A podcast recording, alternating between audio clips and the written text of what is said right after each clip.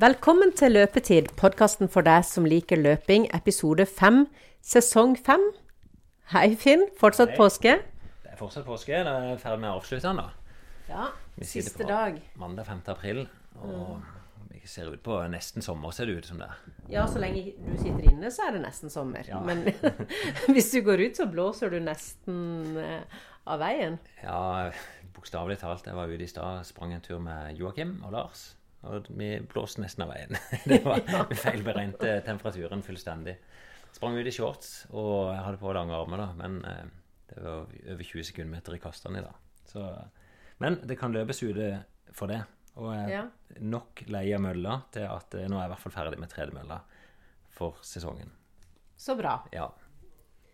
Eh, hva skal til for at du må ta Du, du kommer nok til å så- Du har jo snakka litt om noe persing på maraton og sånn, så jeg ser deg nok på mølla på noen av de der eh, hektiske øktene måneden før du skal i ilden. ja, men det er ikke som jeg bruker mølla til det, altså.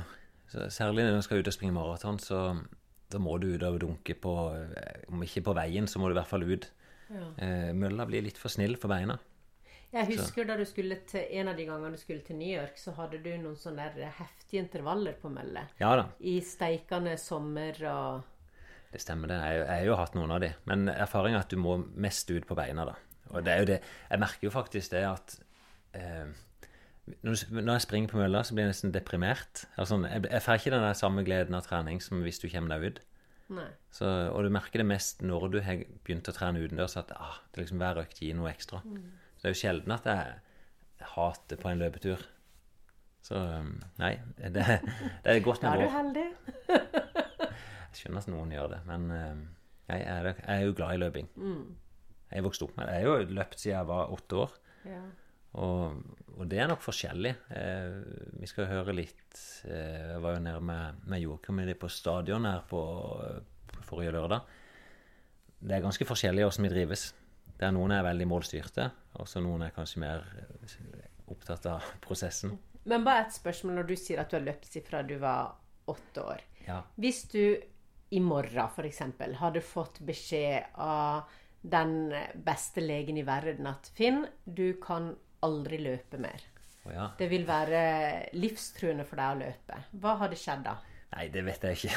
Men jeg er jo glad i å være i aktivitet, i hvert fall. Så jeg hadde sikkert gjort noe annet. Ja, Så det er ikke det at du må løpe? Nei, jeg føler ikke det er noe sånn trang at det, det må springes. Men det det er noe med bare å komme seg ut. At mm. det, er liksom, det er en viss frihet i det å, å være underveis. Jeg vet ikke hva det er for noe. Nei. For jeg har jo av og til tenkt at det hadde vært veldig deilig å få den diagnosen. At jeg hadde håpet litt på at noen, en sånn der eh, vis eh, person kunne sagt til meg at uh, du må aldri finne på å løpe igjen. Nei, men det er ikke sånn, Jeg føler ikke at det er en for, noe tvangstanke i det. Så det, er- det er ikke en sånn følelse at 'nå må du ut'. Um, det, er, det er vanskelig å beskrive. Men det gir meg noe å få løpt. Så, Jeg tenker også at eh, det har blitt en del av din identitet. For det om du på en måte av og til prøver å snike deg unna, ja, så sånn, ja. er du jo Det- sånn, Det er jo mye mer enn bare det at du liker å løpe. Det har jo noe med hele identiteten. Du er Ja. liksom løpefinn. ja, jeg liker jo ikke alltid det stempelet sjøl, men jeg skjønner jo at det er blitt sånn. Jeg, jeg føler jo jeg er så mye mer enn det. Ja, ja. Mm. Det er du. Etter hvert som man blir kjent med deg. Men du har jo opparbeida deg en kunnskap som du er glad i å dele. Som vi andre er veldig glad for, da. Som gjør at det, Det er jo Jeg ser jo ofte at løpinga er jo en del av det sosiale livet mitt. Så når Joakim sendte melding i stad, så er det jo en time eller en liten time sammen som to kompiser. Som to venninner som ville gått en tur sammen. Så vi, vi sliter jo ikke på en sånn type treningsøkt. Nei. Da springer vi bare og kjaser og har det fint. Jeg skrev vel faktisk 'kjasetur' på Strava. Ja. ja, jeg håper du tar deg tid til å se på min Strava. Jeg gjør ikke det til vanlig. Nei, jeg, er ikke sånn, jeg sitter jo ikke og, og scroller på Strava. Jeg ser, eh, jeg tror jeg er 1000 følgere sjøl på Strava. Og hvis jeg skal følge den aktiviteten, så er jeg jo ikke annet å gjøre. Nei. Hvis jeg skal se alle treningsøktene til folk. Så jeg ser bare det som er på toppen av feeden, og så Stort sett så bruker jeg det jo bare til å logge megatrening. Ja, for jeg ser jo heller ikke på andres. Og følger så veldig mye med på Strava. Men nå har jeg jo fått med den Før jeg løp Svalandsgubben, så fikk jeg jo pulsklokke. Ja. Sånn at eh, nå har jeg logga. Eh, og det er jo Jeg blir jo ikke hekta, men det er litt gøy å følge med. Mm. Eh, spesielt når ukes antall kilometer i uka. Og nå, før du ser noe som helst, nå skal du ikke gå inn, så skal jeg spørre deg hvor mange kilometer hadde Ana Margarita sist uke? Forrige uke. Nei, det, jeg vet jo ikke helt. Det er litt siden vi snakka sammen. Og du fikk jo korona. eh, og du er ferdig med det. Vi skal inn og høre. Vi lagde jo en intro mens du hadde korona òg, eh, så vi skal inn og høre på det. Men målet ditt har vært å trene tre ganger i uka. Du har ofte løpt seks kilometer, så da tipper jeg du, er, du virker litt fornøyd. Jeg tipper du har løpt mellom 20 og 25 kilometer. Ok. Da får dere svaret etter at dere har hørt om Anas koronauke. Ok, da må vi inn og høre. Episode fem. Yes. Yes. Velkommen til Løpetid, podkasten for deg som liker løping, episode fem, sesong fem. Og på selveste Ja. kvinnedagen, Anna. Ja, det er kvinnedagen i dag. Jeg har ikke merka så mye til det, men eh, 8. mars er 8. mars. Jeg vet ikke, Blir dette den første gratulasjonen hvis jeg sier gratulerer med dagen? Ja, i hvert fall den første gratulasjonen som ikke jeg har på en måte hinta til sjøl, da. Ja, så bra. At uh, jeg kanskje burde få. Men nå er det kanskje ikke så rart, for jeg tipper du ikke treffer noen mennesker andre enn din egen familie. For du sitter jo ganske isolert akkurat nå om dagen. Ja, jeg har uh, ikke truffet andre mennesker siden 27. februar. Siden Frida, dattera mi, fylte 16 år. Ja, stemmer. Ja, det er en god grunn. Du sier det der med korona. Jeg vet ikke om det er, Du er Ja. den første personen jeg snakker liksom live med som har korona akkurat nå. Ja. sånn Men- høres det ut. Sånn høres en koronasmitta person ut. Ja, det, det høres jo ganske greit ut. Jeg skjønte mannen din, Kjartan, han fikk dette forrige uke. Og var Ja. nesten ferdig med isolasjonen, og så fikk du òg påvist det samme. Ja, du vet eh, Han var i isolasjon her hjemme. Han ble smitta på jobben. Og så var det egentlig ganske greit for å spore og sånn, for det, det var jo vinterferie, og jeg hadde hatt eh, minstemann hjemme fra barnehagen og sånn. Så det var ikke så mye styr, da. Men det var jo noen som måtte stelle litt for han som satt isolert i kjelleren. Så jeg var jo nede og vaska og Ja. måtte ha, levere mat, ikke sant, og sånn. Det, Så for det om jeg ja, du tror du er du? smitta du er smittet i den prosessen der? Det er ikke sånn at du er smitta Ja. før det? Nei. For jeg, jeg testa negativt. Eh, Da han eh, fikk positiv test, så dro vi og testa oss med en gang, og da fikk vi først en negativ test. Stemmer. Sånn at eh, Men det var jo Eller sånn uansett hvor nøye du er, og Så var det jo en av oss som måtte opp og ned med kopper og kar og med mat og sånn. Så i den Ja, prosessen der så ble jeg smitta. Mm. Ja, så lenge det er bra med det. Er, det, er alt greit? Så Ja, jeg har mista smak og luktesans, da. Så det er jo kjipt. Eh, så jeg har påtatt meg ansvaret å spise alle de rare tingene i frysen som ingen har lyst på. Så fint. Men det er forbigående, så er det ikke det? jeg har jo lest mye om dette, men eh, Mm. det er vel bare noe som du har akkurat mens du er i sykdommen. Jeg håper det. Ja, altså, Det er jo noen sånn skrekkeksempler på at det varer i mange måneder og sånn, men jeg, tenker, eller jeg kan jo ikke gjøre noe med det, så jeg trenger jo ikke å begynne å tenke på det. For det, det er jo bare som det er, uansett. Ja, du er tøff. Så Men si det, og Kjartan han må fortsette sin isolasjon, eller går han i karantene, eller åssen blir det nå? Han? Han er i karantene fra i morgen.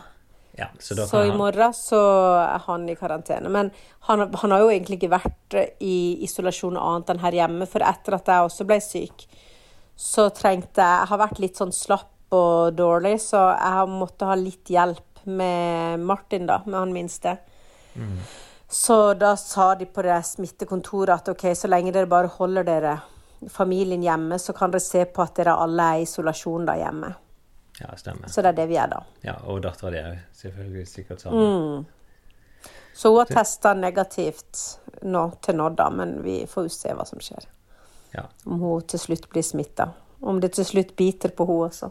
Du, ja. Vi vi har jo vært episenter for smitte i Norge nå siste uka, og hele byen er jo stengt ned. Så det er ikke sikkert det som er verre hjemme i huset ditt enn hos alle de andre akkurat nå.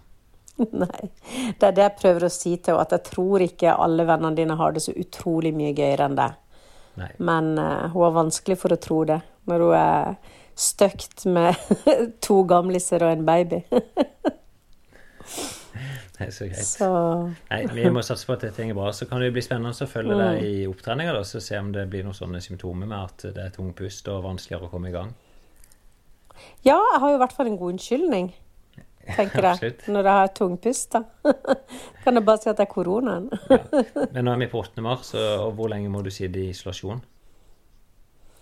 Nei, det er jo det, da. Eh, til nå så har de sagt 21. mars, siden vi ikke får testa Martin. Så, må, så sier de at barn skal være 15 dager i karantene. Ja, stemmer. Så det er jo sykt lenge. Så lille Martin er i isolasjon sammen med deg, selvfølgelig.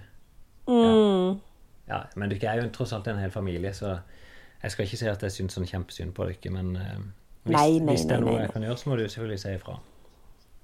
Ja, det skal jeg gjøre. Men vi har jo eh, hage rundt hele huset, og vi kan være i én etasje hver, så det er virkelig ikke synd på oss, altså. Det går veldig fint. Av alle som eh, har fått korona, så skal ikke vi klage, altså. Det er folk som har det mye, mye vanskeligere enn oss. Ja, Så dette skal gå veldig fint. ja det er godt å høre. Mm. Det satser jeg på. Så da har jeg skrev treningsprogram til klubben da i dag og la ut at eh, nå Jeg prøver å motivere, da, men at nå er det siste, siste mot bakken på et langt løp, på Ja. et langt maraton. Som eh, Jeg tør ikke si mer enn at vi, ser, at vi er i spurten, men vi er i hvert fall eh, Det må jo nærme seg noe. At eh, en kan begynne å tenke på lysere tider. Og I hvert fall for min del så har jeg begynt å forberede sommerløpet som skal være i august. Og Mm. jeg ser jo selvfølgelig etter alle de lys, lyspunktene jeg kan. Ser at både helseministeren varsler at vi kan reise sannsynligvis da i mai. Folkehelseinstituttet sier noe av det samme. Og Helsedirektoratet sier vel òg at eh, mai-juni så skal ting begynne å normaliseres. Og så hvis Ja. en legger inn litt snacks, så skal det i hvert fall være mulig å gjennomføre et fantastisk sommerløp da, i slutten av august. Ja, det er det bare å glede seg til. Jeg begynte den uka som eh, eh, jeg kun var i karantene da, før jeg ble smitta, så fikk jeg løpt meg en kort, liten tur på sånn bare rundt her i området hver kveld. Å, ja, så bra. Og Så. Nei, tre og en halv kilometer. Ja, så Et eller annet sted mellom tre og en halv og fire. For det var jo der du sa jeg skulle begynne, i forhold til at jeg har hatt så vondt i akillesen da jeg slutta å trene. Ja. Så egentlig så var målet bare å trene den i gang, da, og det funka faktisk. ja, så bra. Det Så akkurat den der perioden der du skal gå i gang med trening, kan være ganske tung. For det, det føles jo sikkert ikke sånn kjempeartig for deg å kanskje bare ut og jogge 20-25 minutter. Men det er jo avgjørende for å klare å holde igjen i starten. Ja, så var det liksom litt sånn at uh, det var ikke så tungt at uh, det var vanskelig å komme seg ut hver dag. Det var noe på en måte som jeg visste at gikk så fort at det var helt greit å få gjort. Og så kjente jeg at uh, på en måte den vondten som jeg har hatt i akillesen, den slapp litt etter hvert. Så med massasje og den jogginga. Så jeg håper jo ikke at eh, jeg må helt tilbake igjen på start nå etter dette. Men Nei, det håper vi ikke. Det, jeg har faktisk vært og holdt foredrag om dette forrige uke. Jeg var inne og hadde foredrag på NIMI, som hadde en løpskonferanse da, for 200 leger og fysioterapeuter. Så det føltes litt, litt spesielt selvfølgelig å ha foredrag for disse om hvordan komme tilbake etter skade. Ja. Men det kan jeg fortelle. Men du, du Ja, men du ser det jo fra en utøver sitt ståsted, da. Så det er jo sikkert kjempeinteressant, det. Ja, eller i hvert fall som en trener, da. At eh, det, det var nok Ja. litt til det publikummet der, så snakka jeg mye om den relasjonen som du trenger å ha da mellom trener, utøver og en behandler. Eh, At eh, nummer én, liksom, vær, vær forberedt på det, at utøver blir skada, og da bør du ha en relasjon i forkant. Og at det fungerer som et team. da, At når først en skade eventuelt skulle skje, så er, hvis behandleren kjenner utøveren fra før, så er det mye lettere å ta grepet tidlig. Og det er, Ja. egentlig, så er jo det viktigste i forhold til skade det er å ta det så tidlig at ikke det blir noe langvarig. Så Mm. da må en være tett på.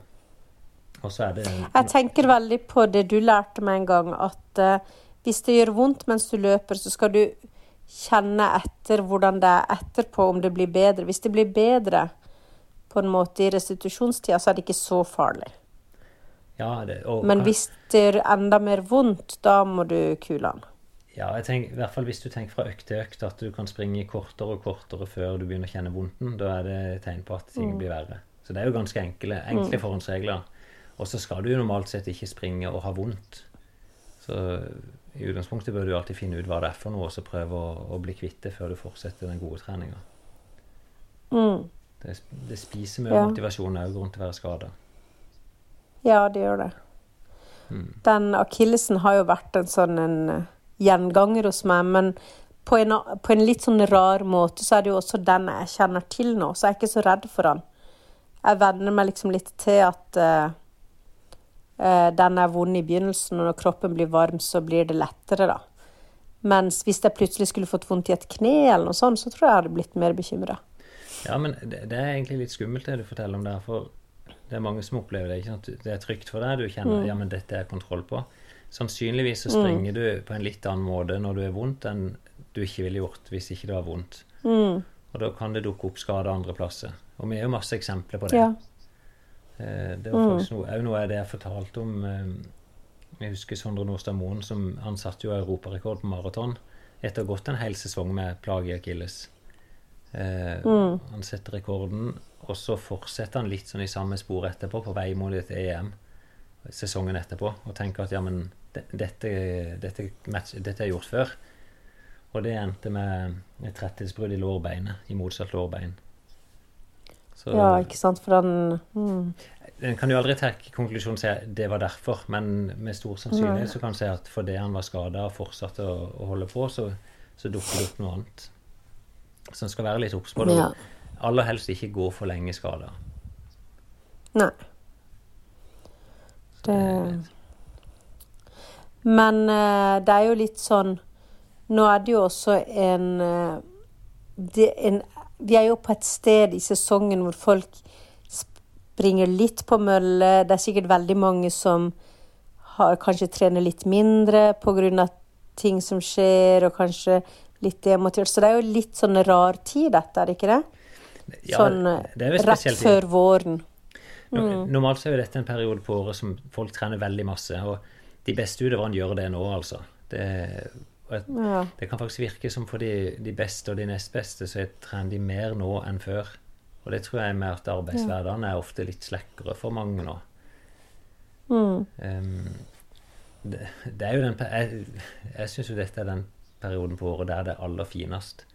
I hvert fall på Sørlandet. Så Ja. er, nå er akkurat snøen forsvunnet.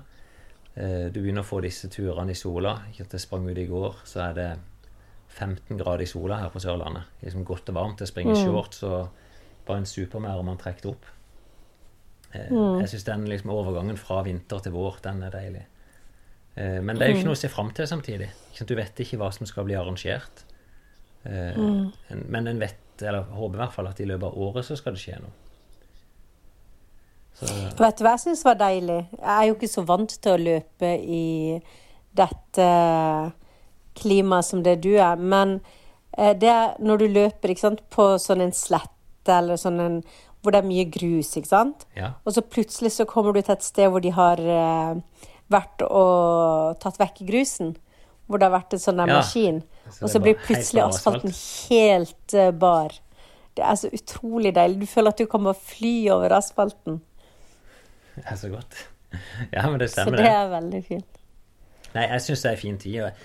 Det, det som er spesielt for oss, det er vel nesten sånn over hele landet nå at det er ikke lov å ha noe organisert aktivitet for voksne folk. Sånn at eh, Helt siden januar så vi jo måttet blåse av fellesaktiviteten i løpeklubben. Så det, jeg syns det er utfordrende. Så det er nesten litt sånn vanskelig for meg å få skrevet disse ukentlige programmene òg. Jeg vet liksom ikke om det er aktivitet der ute.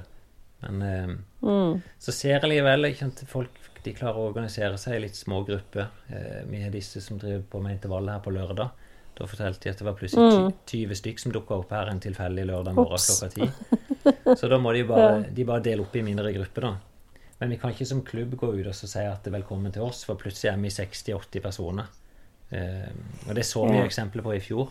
Det var jo nok på en, en onsdag kveld her at noen sa at eh, vi tar en maratonøkt, og så var det 40 stykk som stilte opp. Mm. Så, så vi har vært veldig forsiktige med det, da. Så det må vi bare være som klubb ennå. Ja, spesielt sånn som det er med smitte på Sørlandet nå, så må man Ja, du vet aldri eh, hvor det kule den litt. Mm. Men i Mm. hvert fall oppfordringa ute i klubben er jo at de må prøve å hjelpe hverandre. Hvis vi inviterer med en venn, Ja. Eh, møte opp, kanskje annonsere at du sjøl skal ha en intervall, og så kan du motivere andre. Så en må jo bare gjøre det Mm. så enkelt en kan. Mm. Og jeg ser jo eh, rundt huset der hvor jeg bor, det er liksom på vei opp til et sånn et eh, populært turområde. Og det er jo, kommer jo veldig mange joggere forbi. Så er jo, folk er jo flinke til å holde seg i form og Det, og komme sant. seg ut. Jeg syns jo at det er eksplodert med løpere rundt forbi nå. Både tidlig og seint Mm. så ser jeg at folk er ute. Så det, det er jo kjempebra. Mm. Og det, det er jo kanskje løpinga sånn i enkleste form, at det krever jo ingen utstyr eller noe organisering. Du kan på med joggeskoene og komme deg ut sjøl. Ja. Så Så det er jo Det er jo noe som er bra da her i Norge, at folk har ikke blitt så passive. For det om denne koronaen har gjort at eh, hverdagen blir litt annerledes. Jeg håper i hvert fall ikke det. Sier Men jeg må i hvert fall holde meg litt i selene. For jeg tror ikke det er lurt med virus i kroppen å pushe seg for mye. Jeg tør ikke anbefale noe trening akkurat nå. Nei, da tror jeg, jeg tenker du bare må vente til, til du er erklært frisk. Erna. I hvert fall, Det har vært så mye rapporter på folk som blir dårlige etterpå. Og det er jo noen Ja. som blir dårlige underveis. Så da får du heller ta det litt alvorlig akkurat nå. Det er kanskje Ja. Jeg, skal, jeg er jo ikke syk. Selv om jeg hører høres ut som jeg var litt sånn skurren i stemmen, så er jeg ikke det. Jeg, jeg sitter eh, i senga mi på soverommet, bare så at jeg ikke skulle høre lyden av oppvaskmaskinen her ute. Og så har jeg eh, en kamerat, Joakim, som han er i bilen nå på vei ut for å møte meg. Så vi skal ut og springe ei god intervalløkt sammen om syv minutter. Ja. Så jeg skal ta med podden bort der, så kan vi høre litt åssen han løser ting om dagen. Han, han har jo vært i isolasjon sjøl. Han, fikk jo baby rett inn i den isolasjonen og eh, liksom endelig tilbake i jobb. Men eh, jeg kan egentlig høre litt med Joakim sjøl etterpå. Kan han fortelle med egne ord åssen dette har vært, og åssen han tenker om sesongen òg. For han er jo definitivt på Ja. vei mot nye mål, han òg. Veldig spennende. Mm. Men du- da må jeg jo egentlig bare ønske deg en god treningsøkt, så får du hilse til Joakim. Ja, Og så snakkes vi veldig snart. Vi snakkes garantert i morgen. Så får du hvile ut. Ja. Ok, Anna. Det Ja, kjempefint. Ha det.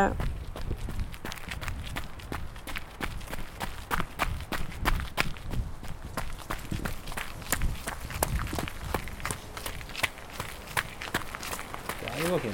Da er det gått syv minutter siden jeg satt med Anna Margarita. Og nå er du inne på podkast. Hva er det? Da er vi kommet inn i den gamle garasjen min. Eks-garasjen min, kan vi vel kalle dette. Eks-garasjen hos ekskona. Ja, Og her er ekskatt som det kommer. var eks-katten. Den er faktisk kalt for Findus, som et minne over, over meg. Nei, fys. Eh, to tredemøller. To, eh, skal vi se. Dette er Sportsmaster T500 og T600. Eller T610, lurer jeg på om det er. Med ei vifte og ei dør. Og så er de stappa en haug av tøy. Gammel, ja, sånn gi bort-tøy.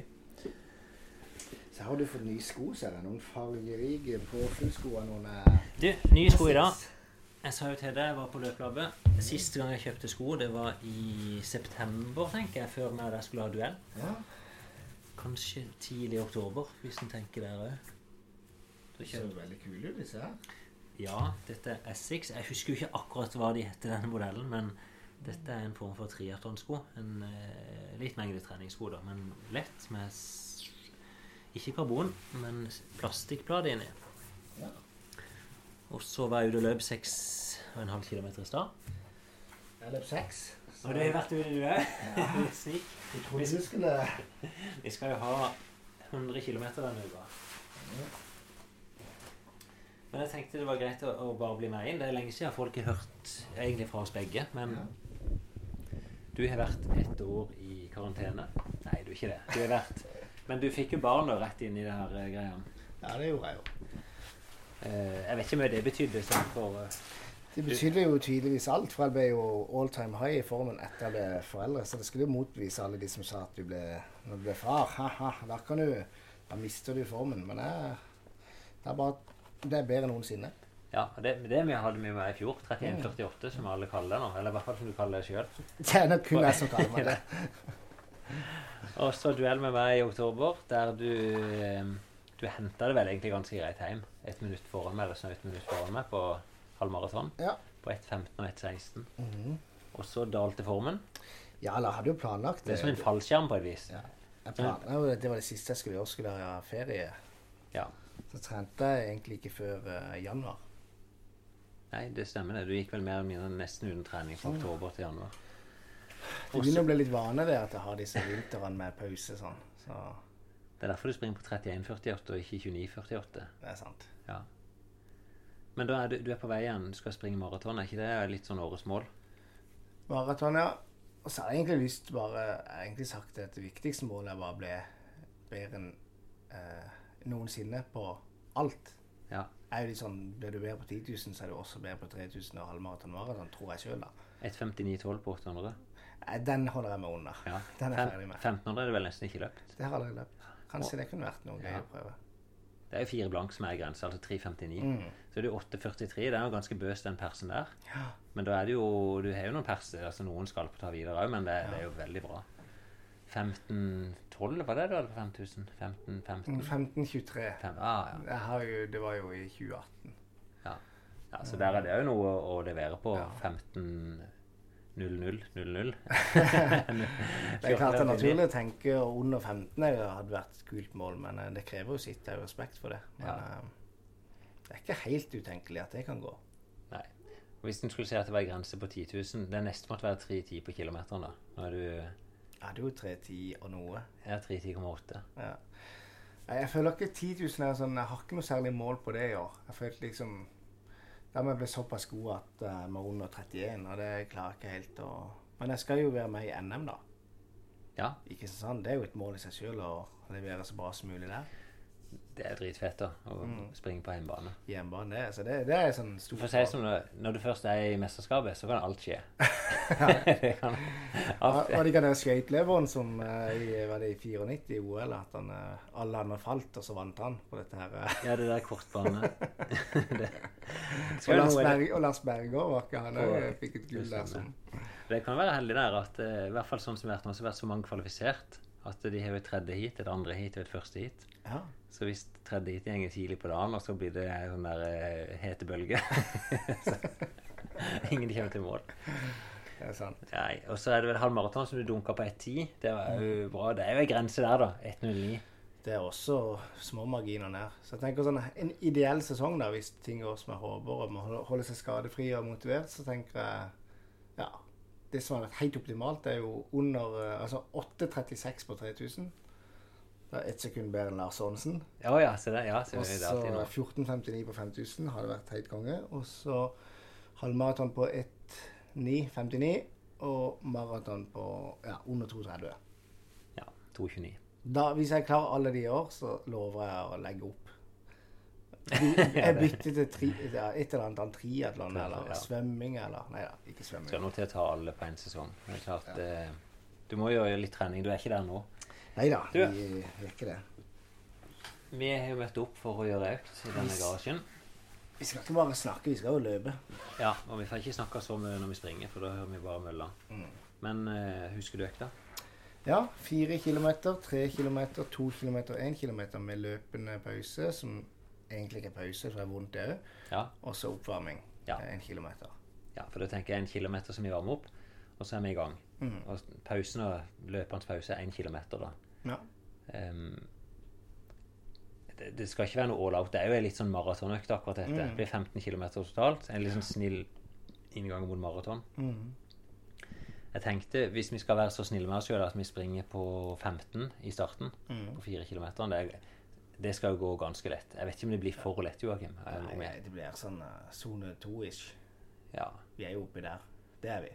ja. Og så tenkte jeg pausen på 14 eller 13,5. Kan du få velge. Da uh, legger du press på meg, siden vi er live podkast, så da må jeg jo si 14, da. 14, ja. Og så tenker jeg 15,5 på 3 km.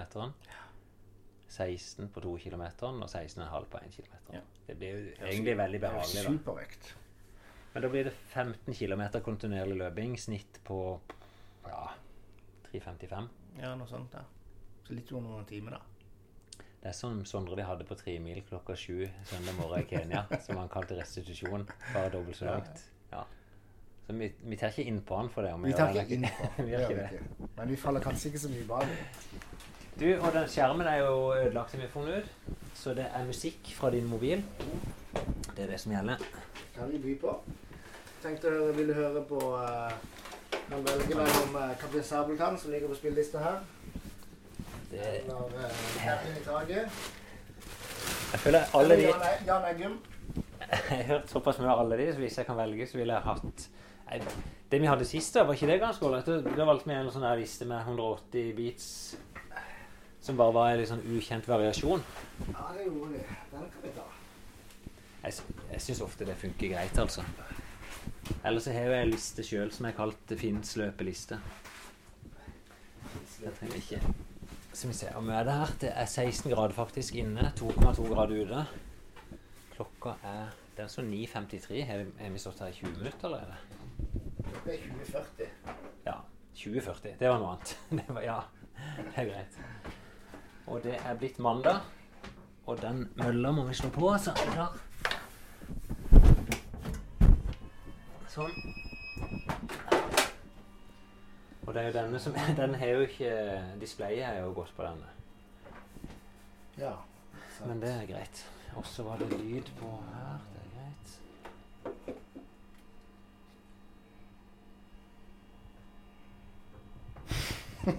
Ja, så- det er bare barnemusikk på den mobilen. Skal vi se Har vi Har du mista det sjøl? Var det 180 han het? Jeg, jeg tror du bare søkte på 180. 180 BNP, Born to Run. Tror du ikke det er bra? Ja, den tror jeg er kjempefin. Og så må vi plugge i. Det er en, det er ikke blodslit i dag, altså. Dette er litt melk og brød, altså. ja. Se her, vet du. Tror du ikke dette er greit, Finn? ja. Vi sa en kilometer oppvarming cirka. Ja. Da, det jeg pleier ofte bare å begynne sånn første minutt eller to på 12, og så til vi 13, og så 14, og så er vi i gang. To, én Ja.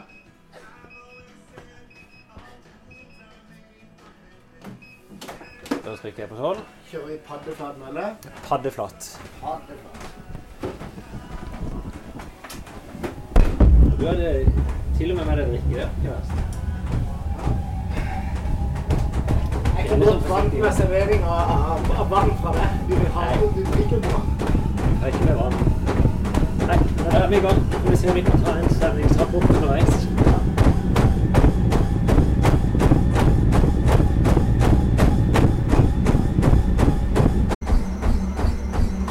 Ja, nydelig. Da er vi gjennom fire kilometer, tre kilometer, to kilometer. Og så er vi i pausen før den siste én km. Hvordan kjennes det? Nei, vi må jo alltid snakke smerteskala. 1 til 20. Da ligger vi på 8-9. Det er. Åssen er det på draget? Ja, kanskje sånn 12. Ja, det er ganske lett for deg. Det er sånn det bør være. altså. 10 km tempo bør jo være kanskje 15-16. Ja. Kjennes Kjenner sjøl? Nei, det kjennes greit. Det er nye sko, da, så det er litt sånn sårende under føttene. Men nå er det bare en kilometer igjen. Den skal gå på 17, så det er jo helt overkommelig. Og du dyrker tang, var det chop shui du sa? Ja, min er mannsang i hvis det var en sånn dere den?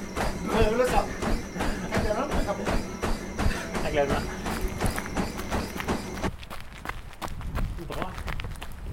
Hva er det vi oppsummert med? 55 minutter og 14 km. Snitt på 15,4, inkludert oppvarming og pause. Ja. Det er bra. Veldig fornøyd, altså. Ja. Og det virker jo veldig kontrollert da, når du sier du ligger på 12 i, i følelse. Ja, altså Det er sånn føler jeg kunne løpt en uh, maraton. Den Ja. følelsen. Altså på Jeg Ja. hadde ikke løpt det på Det er jo- 17, for det er det siste på på Auskort. På 17, ja. Det hadde du ikke gjort. Men når vi snakka om det, så var det vel på 16,5, var det ikke det? 16 og 16,5. Ja, det føles veldig behagelig. Ja. Men jeg tenker, jeg merker at liksom på 17 så er jeg liksom skrudd opp farta til det er nesten Mm. 10 km farta nå. ja, men det er det jo. Det er jo det. Og det er jo ubehagelig nok. Mm. Hvis, I hvert fall hvis vi hadde holdt på lenger. Hvis vi hadde den vært to, så hadde det vært litt sånn ah, Ja, ikke sant. Da må man liksom kjenne på det. Mm. Men det er godt. Det skyves jo Terskelfart skyves jo eh, fort oppover når vi trener jevnt og godt nå. Ja, det er jo god økt, dette. du. Vi skal ha flere av de. Og så må vi ikke ha de på mølla. nei, det er noe med det. Nytt tøy, ja. Alt var nytt på deg, da. Ja. Så er det ganske brune bein, men det er selvfølgelig i- Det er vel fra Kenya. Det er ikke så stor forskjell. På kuken og beina. ja. Du la merke til den, altså. Det er ikke verst at du bare så den i det hele tatt. Det er så økt. Prøver å finne veien inn. Det er greit å ha. Nei, klokka blir halv ti. Det er jo sein økte, da. Ja. Sliter du når med å sove etterpå? Nei, egentlig ikke. Men jeg legger meg aldri så veldig tidlig. Sånn. Eller si, det hender jeg gjør det, men ikke Når legger du deg typisk i dag? Den er jo halv ti nå. Ja. Nei, si elleve kanskje da. Ja. Tipper det er naturlig. Men det det hender jo som sagt jeg sovner Det var jo åtte på fredagskvelden jeg sovna. Så det er jo bare nei, patetisk. men det, nei, men det er jo små barn og alt. Men da er du oppe tidlig lørdag morgen. Mhm. Det er jo bare sånn. jeg tror ikke jeg har stått opp etter syv siden juli. Nei. Så nå går det ikke an å sove lenge heller. Kroppen bare vil opp.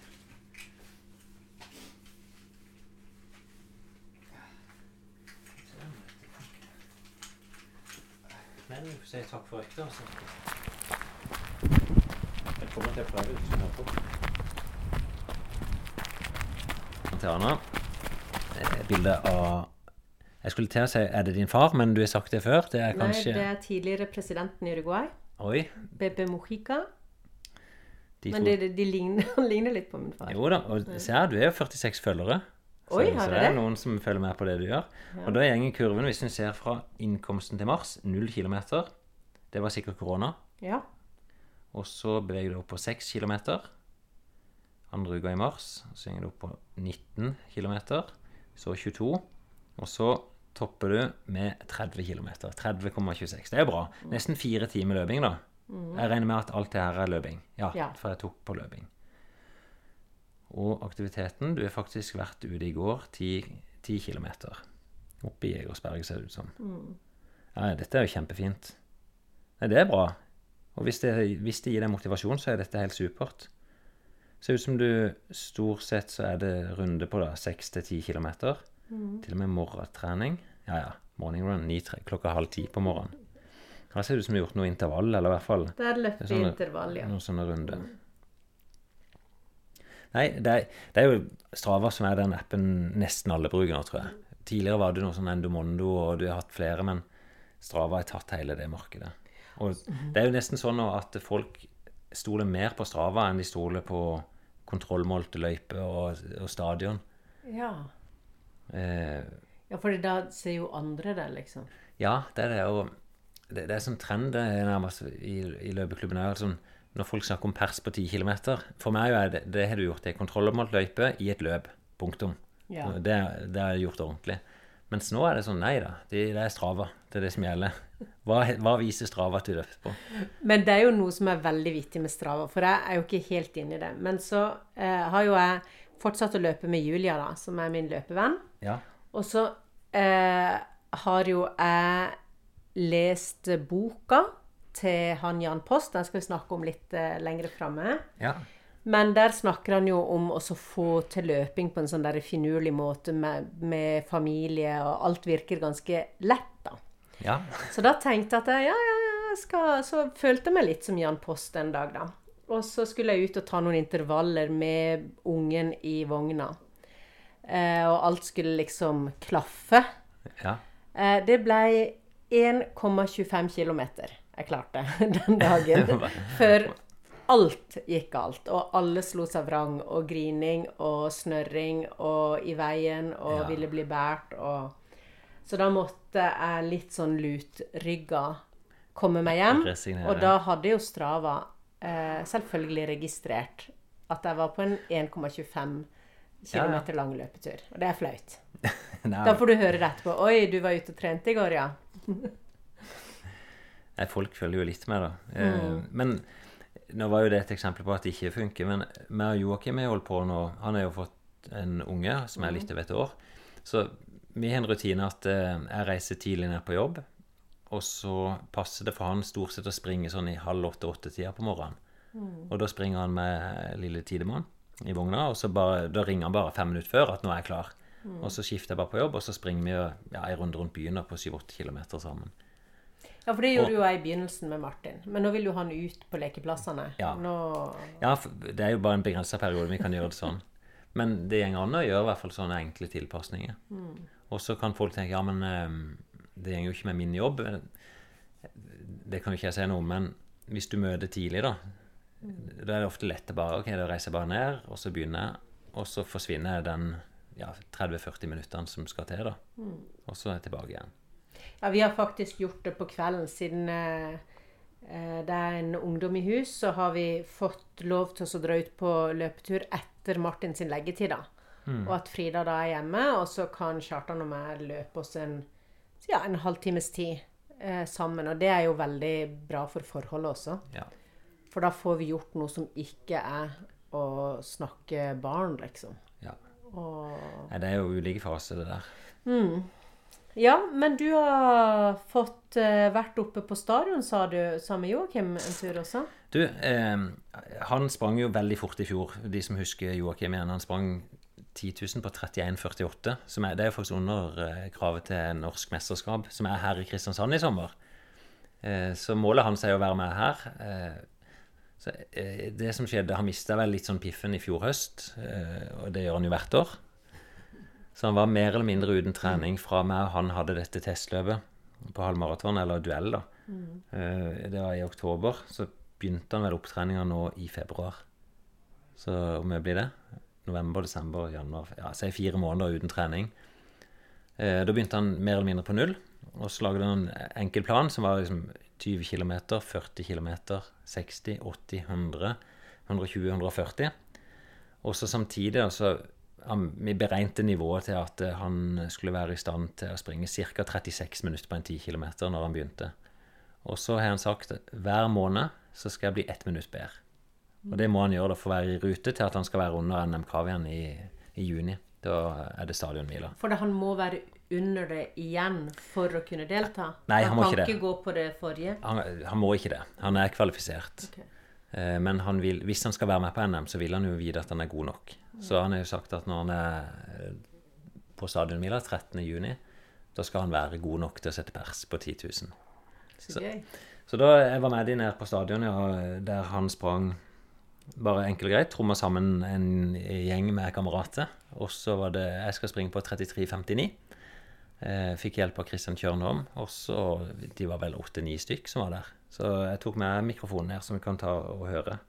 Og egentlig ganske artig, for det er jo en spesiell tid nå, med ingen fellestrening bortimot. Vi er i hvert fall ikke lov som klubb da, å invitere til noe sånn type felles arrangement. Men da kommer vi ned på stadion, og så er det kanskje 100 mennesker som er med ulike aktiviteter nede. da. Det er crossfittere, det er mosjonister, noen som bare labber rundt på stadion. Så, så folk får det til uansett. Men vi kan jo gå inn og høre Jeg, jeg tror i hvert fall jeg fanga stemninga ganske greit der nede.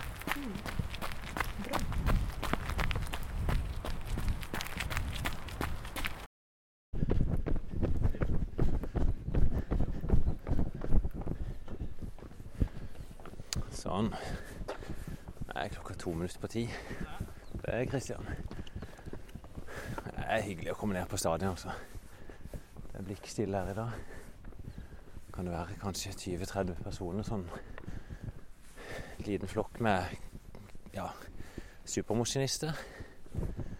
Med noen crossfittere, ser det ut som. Heia. Og vanlige folk. Hei, Klaus. Imponerende. Du, er det du som uh... Hallo! Er det du som, eh, dere som styrte med det KS-Ultragreiene? Ja. Det var det? Ja. Det ble avlyst. Ja, jeg så det. Ja, dessverre. Gikk rett i søppelposten. Ja. Fant han til slutt. Du skal ha en 10 km, skal hive på? Hæ? Vi skal ha 25 runder. Ikke sjans til å følge med dere. Jo, det er klart du kan det. Vi er jo off-season nå. Jeg er jo også det. Så det er jo dårlig, det. Nei, null sjans. Nå er det, nå er det skikkelig på bunnen av alt. Tror du kula henger igjen etter uh, onsdag? Nei, det er jobba i utelivsbransjen i tolv år. Eh, det Ja, det er sånn, sånn Du, du blir mer bakpå hvis ikke du drikker. Absolutt. Ja. Du ser vi er jo live her, Joakim. Er vi live her? Ja da. Er klar for en ti kilometer? Ja. Fortell. Opplegg. Nei, eh, vi har fått inn den eminente Harun Kristian som skal dra eh, Egentlig skulle dra med, og så plutselig er det jo en skokk med gode løpere. Så vi har jo flere som skal hive seg på. Kristoffer Pettersen, Jonny Stensvold, Ja. Vegard Danielsen. Ja. De guttene her, Kongshaug. Så det er egentlig målet under 34. Og det er en del av min eh, plan for å komme seg tilbake igjen fra vinterdepresjon til all time high i juni. Samme. Så jeg skal forbedre meg en måned, ett minutt i måneden var målet. Så det var under, akkurat under 35 i februar, og da var jeg under 34 i mars. Og så skal jeg under 33 i april av målet, og så under 32 Ja. i mai. Det som er rått med det, er jo at du faktisk gjør det òg. Ikke bare at du skal være i stand til å gjøre det, men du skal faktisk gjøre det. Ja, eller jeg sier jeg gjør det. Jeg sier jeg skal gjøre det. Ja. Eh, men det betyr ikke at jeg kommer til å klare det. Nei, Hvordan tenker du, klarer du det, da? For meg så tenker jeg det er helt sånn på håret. Og du kommer til å si det på posta etterpå. Ja, vi skal si det i hockey eh, på toalettet etterpå, men Nei, men Det er det som er så spennende. Så du får jo ikke noe mer ærlig svar enn en, eh, å prøve. Eh, Og jeg tror det jeg, jeg tror jeg klarer det. Sånn, jeg har følelse på at det skal gå, for jeg jeg liksom Faen! Jeg, liksom, jeg kan ikke bryte opplegget mitt nå. Nei, du kan ikke det. Men uh, det blir, det blir brutalt. Det gjør det. Men 25 runder er nå aner ikke jeg 34 Det er eller 3.24-fart. Det er vel 3.24 fart. Så jeg tipper eh, Han legger de Ja, på ah, 1,22 eller noe sånt. 1,22 på runder. Ja, men det er greit. Er ikke det greit, Kristian? 1,22 på Jeg vil- så har vi alle litt på slutten. Hei, Kristin. Så hyggelig. Ja, men så trekker vi ned litt på slutten. Jeg vil legger legge litt bak oss. Så... Ja, men Christian, du er god kontroll på dette, du, Christian. Ja, men I dag tenkte jeg vi kunne dele litt mot av det. Ja. Det er ikke noe hardjobb her i dag. I dag er det Å ja, du er med som er en del av økta, du, liksom? Ja. må Og hvor sammen. springer dere? Eh, jeg springer så lenge jeg klarer. Å ja, du følger samme part. Ja, Ja. tøffe gutter. Det er bra. Jeg har 34,20 på testmøtet i fjor. Hei, ja. så sender vi fram litt? Nei, jeg tror ikke det går. begynner, Nei. Litt? Ja. Nei. Og Gabi er med. Ja, men jeg tror ikke Ja. det går. Vi begynner om ett minutt. Um, Du tar oss bare inn. du er to minutter sen. vi får se. Sier bare lykke til, så får vi catche opp når du kommer i mål, egentlig. Jeg ser vi har samme sko, Finn. Vi har vært og kjøpt samme sko. Ja. Nei, det, det skal ikke være noe forskjell på utstyret, i hvert fall. Så det har noe å si. Nei, det vet vi ikke. Det ser vel ikke sånn ut. Konklusjonen blir etterpå, da. Vi ser det blir samme skole. Er, det, det er fjorårsmodeller, er det ikke det? De er gamle. Ta et lite stigningsløp. Ja da, det varmes opp skikkelig. Og du Kristian, blir det ei tøff økt for deg, dette? Vi tar et drag, vi òg. Kom. Ikke det. Nei, dette skal gå ganske lett. Ja, det har ikke blitt veldig tøft. Men uh, det er greit å få det til å dra litt likevel. Sitter man å ligge og til ut i ti er sant. Bare for å få litt sånn mental hjelp. Det er egentlig bare Joakim som har flagga at han vil opp under 34, og så tar jeg alle muligheter jeg kan for å få noe selskap på Ja. trening. Tror du han klarer det? Ja. Akkurat. Men jeg tror ikke han Jeg tror det må spurtes. Ja, jeg tror det. Jeg tror jeg skal få det hardt. Jeg tror det han får testa, det er jo moralen om han faktisk Ja, Virkelig for det er liksom ikke like viktig som når han skulle perse i fjor. For han, har, han vet jo at han må jo ikke løpe under 34 nå. Nei. Men han burde jo det, så jeg håper han klarer å stå i det litt. Ja. Han har fått nye sko og alt. så Han har vært så forberedt. Ja, han ringte meg her om dagen var nede på løpelabbet. Og jeg har jo kontor rett opp forbi. Ja. Så det er greit. Hvis han skal ha de, så får jeg ha de samme. Kjøpte du òg på løpelabbet? Samme dag. Ja. Må inn og gi noe eh, La Christian få noen salg òg, da. Og kjøpe han òg på jobb. Det er sant. Vi er ikke Lotte så heldige heldig nå, da. Vi triner med Åland. Jeg tenkte å bli med de litt utover våren. der. på noen Hva sier du? Jeg tenkte å bli med de utover våren litt på noen økter. Ja, det er bra. Men akkurat nå hadde vi avtalt det her allerede. To, fire, seks, åtte, ni mann er vi, så det er jo akkurat innafor, kan vi ikke se det? Det er jo to meters avstand òg, da, så det blir ikke lett altså. Men hele gjengen da, prøver på å følge så lenge de ikke kan, er det sånn? Ja, vi skal det. Det er nydelig. Jeg kan rullere mye. Vegard, er du helt sikker på at du henger deg på? Jeg prøver å ikke løpe fra, er det du sier? Ja, du, han er jo lege, så han på, han er på uh, nummer 12. Snart halvveis, tipper. Ja, han springer òg? Ja. Hva kan han gå for. Var, det, var det din bror, det? Nei, Ja. Skal vi starte? Kjør på, gutter. Du kommer likevel, kjekken. Takk. Er. Jeg orker ikke henge meg på dette, men eh, jeg liker å pusle baki her. Skal vi ikke henge på? Nei. Ok, er vi klare? Klar, ferdig, gå. Jeg får de.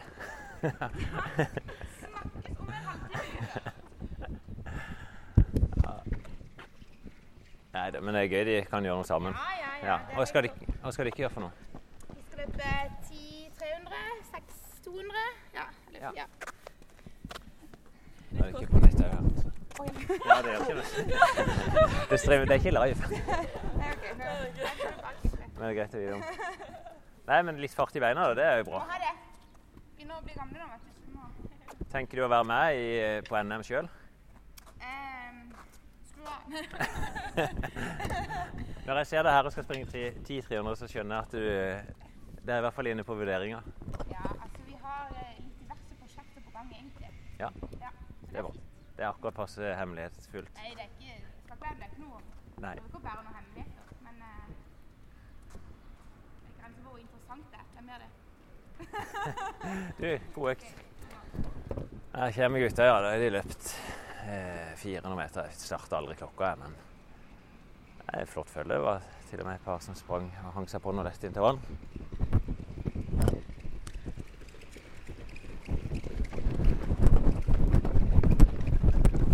Er vi på skjema da, Kristian? Tror det. Vi var det på første. 1.21,7. Det på den farten skal. Og Joakim kjennes ut som det skal. Det er oppe i 14 på smerteskala allerede. Hva sa du? 14 14 hva for noe? av 20. Å ja.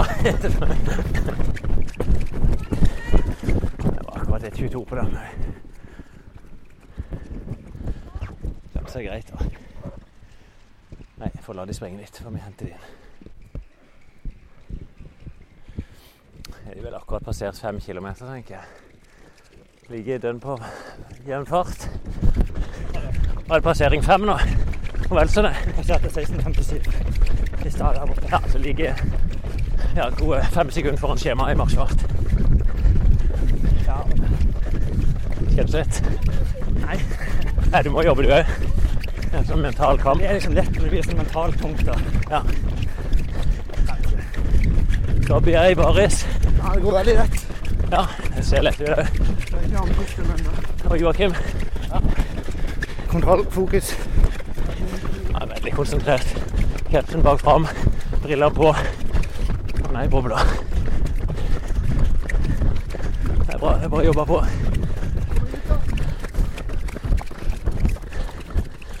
Det er tydelig tøft for Joakim akkurat nå. Det er litt artig. De er jo ja, det er 80 det følget. Men så er det tre andre grupperinger som springer intervall her. Noen springer 400 meter, så de hekter seg på annenhver runde. Ei jente springer 300 meter. De hekter seg på annenhver. Og så er du Trine av de som springer 10-300. Hun springer fort, da. Derfor jeg pustet litt ekstra. Jeg var med på et par av de. Tror jeg også skal i gang på det siste. Siste. Det er rom. Jeg får høre det sjøl etterpå.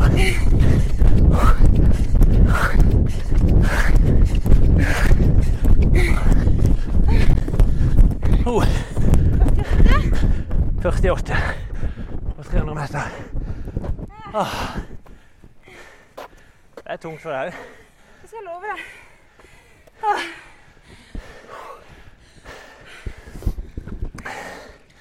Ah, bra jobba!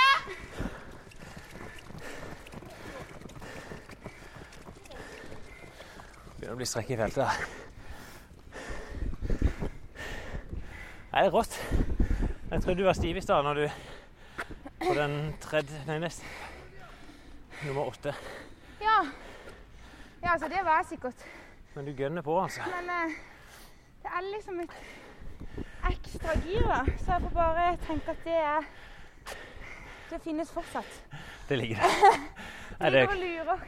det er jo Det har knallbra. eh, pakka inn en stund, men heldigvis så Men det ser jo dritbra ut. Du holder jo steget helt inn. Dette er ikke walk in the park, for å si det sånn. Nei, jeg hørte det. Det er bra.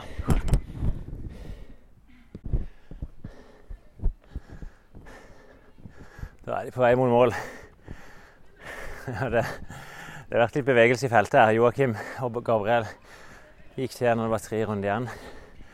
Så de andre holdt samme fart. Og så henta Christian og Vegard igjen. Nå er det full spurt. Det er helt maks. Nydelig. Nå ser det jo veldig bra ut, Joakim. Får noen kjappe kommentarer. Du ser jeg lå på 33,30 og spurter siste runde på 60. Nesten knus og Gabi. Jeg er fornøyd. Ja, veldig bra. Formen er bedre enn jeg trodde. Det så stygt ut synes jeg en periode. Det var liksom helt i den mørke Stengt. det var fokuset. Stenge verden helt ute. Jeg trodde ikke tidligere at det skulle gå. Men så så jeg når du, når du skjønte at det skulle gå sånn etter syv, syv og et halvt, Ja. så endrer nesten steget seg. Når du heiv skjorta og begynte å gå, så ser du at Først plukka jeg capsen, pressa den, og så skjorta, og så brillene. Åh, det er jævlig gøy, altså. Ta denne praten. Skal jeg ta en 200 meter med Trine på 20? Ja. Oi, nydelig.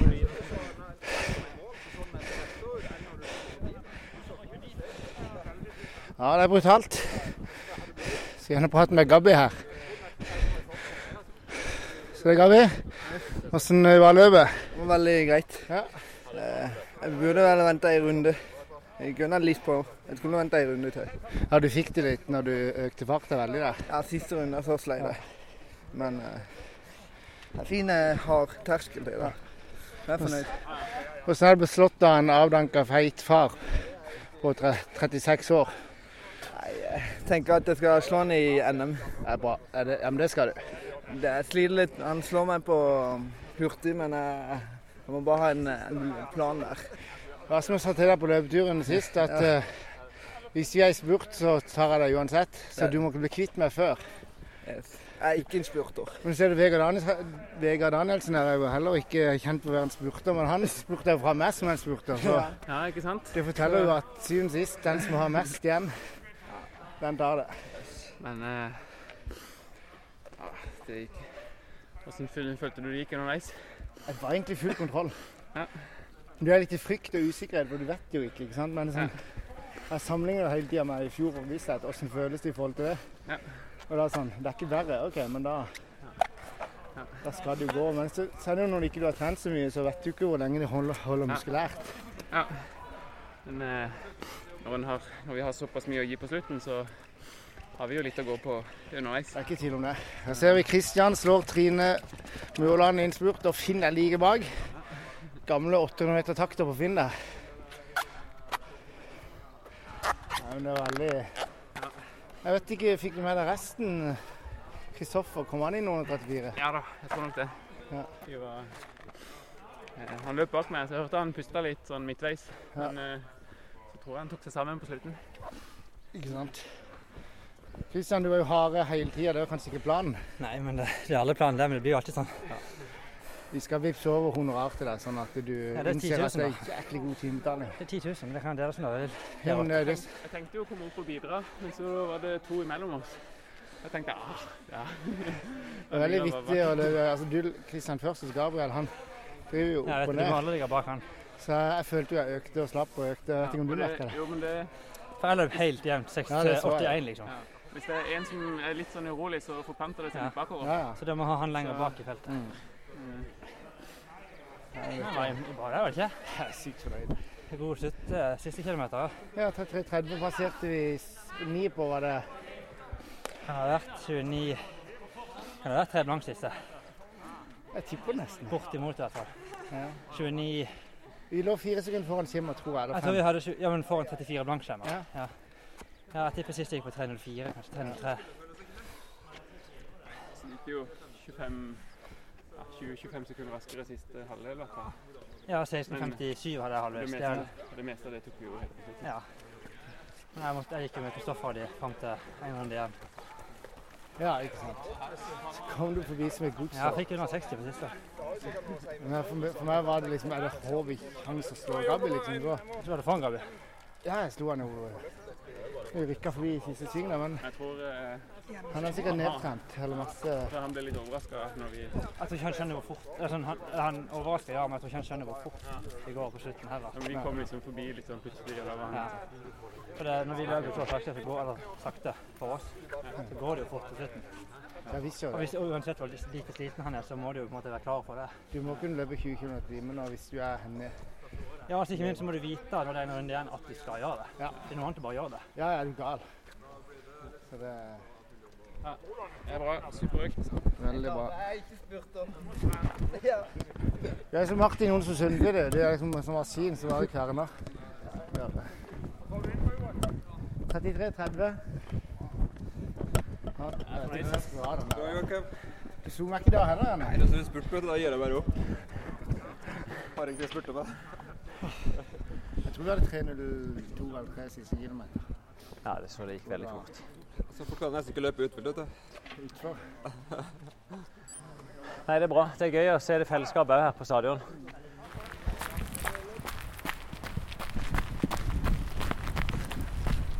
Sånn. Så har vi fått jogga ned en veldig munter gjeng da etterpå her. Så jeg syns vi fikk fanga litt av den stemninga som er her en lørdag formiddag. Eh, vi gikk og prata litt sammen etterpå òg, i gruppa. Liksom, på et vis veldig sært, selvfølgelig. å dunke gjennom en 10 000 meter. 25 runder på en bane. Men det er noe med det fellesskapet likevel, at en er ute og har litt vondt sammen for å teste seg. Og nesten uansett resultat så gir det en form for ny motivasjon da, til å fortsette. Så for min del jeg drev bare kosen her og ble med på noen runder og sprang noen både 300 og 200. Og veldig fornøyd da. Vi var med på den siste 200-meteren til Trine. og Hun skulle springe under 30. og det, Jeg trodde faktisk ikke jeg var i stand til det lenger, men det var jeg. Så 29,35 fikk jeg på klokka, så det var gøy. Så nei, da er det inn til min mor og spise litt lunsj. For vi har en fortsatt god lørdag. Ja. Joakim, han er, han er en joker. Han får det til. Ja, og jeg hadde ikke trodd det skulle gå, altså. Men eh, ja, som dere hørte, han, eh, han var råere enn antatt. Og han, er- han er jo fortsatt nå. Han fikk en Den eh, raske økninga, det er en ganske stor risk. Eh, så når han kom opp til rett over 130 km, så er han trøbla litt med beina, og så tatt en korrigering ned på 100 km igjen, og så bygger han seg opp videre. Eh, men nå er det liksom Han må ha to mil hver dag nå. Det er helt Så, vilt. ja, og eh, hvis det er en som kan gjennomføre det, så er det jo han. Ja. Så da får en bare være god med hverandre og gjøre det så godt en kan. To mil hver dag. Det er helt sykt. Ja, det, er noe som du kommer inn i en sånn der eh, Jeg vet ikke hva du kan kalle det, men det blir bare noe du gjør. Og du kan, altså, du kan tenke deg, hvis han skal snitte på det, hvis han tar én dag fri, da skylder han jo to mil en plass. Eh, og da må han, han kan jo ikke springe fire mil den neste. Men da må du kanskje fordele, da. At Mm. da er du kanskje tre, eller fire dager på rad du må springe 25 km. Men hvor ille er det å eh, hoppe over en dag? Eh, bestemora til Joakim har bursdag, og det er såpass langt unna at han må reise og med barn og sånn, og så kommer han tilbake igjen etter mye bløtkake og orker ikke. Hva skjer da, hvis han går glipp av én? Nei, treningsmessig så skjer det jo ikke noe. Men det er jo noe med det mentale der at i det øyeblikk du tillater det, så skjer det ikke bare én, da. Da skjer det kanskje i løpet av en måned så skjer det fem eller seks ganger. Og da faller nivået ditt litt ned da, i forhold til der det kunne vært. Så jeg tror for mange så Du må liksom tvinge deg til at ja, men det må leveres. Så for, hvis jeg skulle sagt det eksempelet, så ville han kanskje enten sprunget hjem igjen, eller blitt sluppet av med bilen når det var to mil igjen hjemmefra.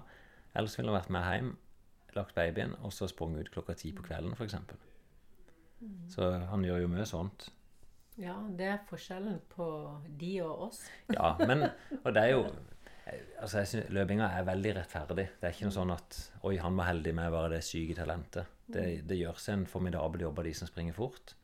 Og jeg skal ikke si at de som ikke springer fort, ikke gjør den samme jobben, men i mine øyne så er det ganske rettferdig. Og så er det selvfølgelig noe å spille inn med vekt. Og kanskje òg at eh, hvis du har løpt mye før, så får du betalt for det. Det å ha i banken, som du har sagt før. Ja, jeg synes det å sammenligne med f.eks. at du spiller piano eller gitar, syns jeg er ganske likt. Altså Har du løpt før, så er, så er det som Har du spilt piano før? Ja, det er jo ganske fort å ta det opp igjen. Sånn er det med løpinga. Men tross alt så er du lagt inn de timene før. Og når jeg var i Kenya, da snakka jo Kanova, han treneren til Sondre, om at eh, you have already built the house. Så hvis du har bygd huset er i gang, så er det egentlig bare å rydde opp, så er formen der. Så det er jo ingen som kunne gjort sånn som Joakim nå. Trene seks uker og så springe på 33 minutter hvis ikke du har vært oppe på det nivået før. Og tross alt er han fortsatt nesten to minutter saktere enn det han gjorde i fjor. Ja. Så ja. men Det blir spennende å følge med. Men da er det sommer... Nei, da er det stadionmila som er hans neste mål. ja, det er jo Vi er jo veldig spente på denne sesongen. Eh, Løpeklubben har tre store arrangementer da, som var planlagt. Det var Kristiansand Ultra, som skulle være nå i slutten av april. Det måtte vi avlyse. Eh, og så hadde vi opprinnelig tenkt at sommerløpet skulle være før sommeren. Men det vi har gjort, er at vi flytta det til august. Sånn at det blir 21. august. Da tror vi at det skal være mulig å gjennomføre sånn massearrangement med noen tusen mennesker. Eh, og vi, det vi har gjort, litt, er at vi har strippa litt ned, sånn at vi fjerner nå halvmaraton. Så det er bare fem og ti kilometer og barneløp. Og så planlegger vi at da er det to timer barneløp ferdig. Og så er det nytt arrangement, fem kilometer, som varer to timer. Og så kommer ti kilometer. Og så planlegger vi da med puljestart. Sånn at vi skal gjennomføre uansett. Altså det er målet. Det skal bli en opplevelse. Og så tar vi heller høyde for de, liksom, de strengeste smittevernreglene vi kan. Og så er det jo mye gøyere hvis vi kan slippe opp og si at å ja, men nå er alle vaksinert. Ho-ho, da er det velkommen til byen. Felles start. Det håper jeg jo at det kan skje. Um, men da har vi tatt stadionmila, som er et det er mye mer oversiktlig arrangement. Du er inne på en stadion. Du kan eh, veldig enkelt holde publikum ifra eh, fra de som springer. Det er fastmonterte CD som vi kan plassere ut publikum som vi vil. Så, men det vil jo sikkert være enda restriksjoner da i midten av juni. Men 12. juni i hvert fall så blir det 10 000 meter på stadion. Og 800 meter. Så vi, vi gjør en sånn kombo da at eh, eliteløperen får også komme inn og prøve seg på en kortere distanse. Så i hvert fall det vi planlagt med i år. Og så når vi dropper halvmaraton, altså, jeg driver og tenker om vi må få til en eller enten halvmaraton eller maraton i Kristiansand, som vi får dra litt ut på høsten. For folk er løpskåte akkurat nå. Det, ja, det har jeg aldri sett sånn et uh, yrende liv av løpere Nei, er som nå, altså. Jeg ser jo Vi kan jo ikke gjøre den aktiviteten i klubb, men nå driver folk sånn som på lørdag, så var det en gjeng som de dundra ut og sprang både halvmaraton og maraton. Og da hadde de vært ute og målt på sykkel eh, noen dager i forveien. Så var det bare en som tok initiativ og sa at klokka der og da så gjeng startskuddet, og så sprang de eh, halvmaratoner på ei gitt fart. Da var, jeg tror hovedbolken der de skulle under 1,30, da. Altså 1,29,59. Så da var de, jeg vet ikke hvor mange, men seks-syv stykk da, som sprang under det. Tommy skulle under 1,40, og han klarte det. Ja, jeg så det. Sprang på 1,39 et eller annet, tror jeg det var. Så han er virkelig tatt uh, rev i seilene. Han fikk jo litt sjokk eh, etter den testen vi hadde hos Christian. Eh, vektmessig og treningsmessig så har han jo bare snudd helt om. Gått ned nesten 10 kilo i vekt og økt treningsmengden til nesten 100 km i uka. Fantastisk. Så det funker å trene, altså. Ja, nei, det er Det er jo litt sånn eh, Nå har jo jeg bestemt meg for å øke fra tre ganger i uka til fem ganger i uka. Oi, Og kan det være? Nei, det er vel det man skal, er det ikke det? Man skal vel Nei, eh, det vi har snakka litt om før, det er jo ikke sånn at du må øke, at du må gjøre mer.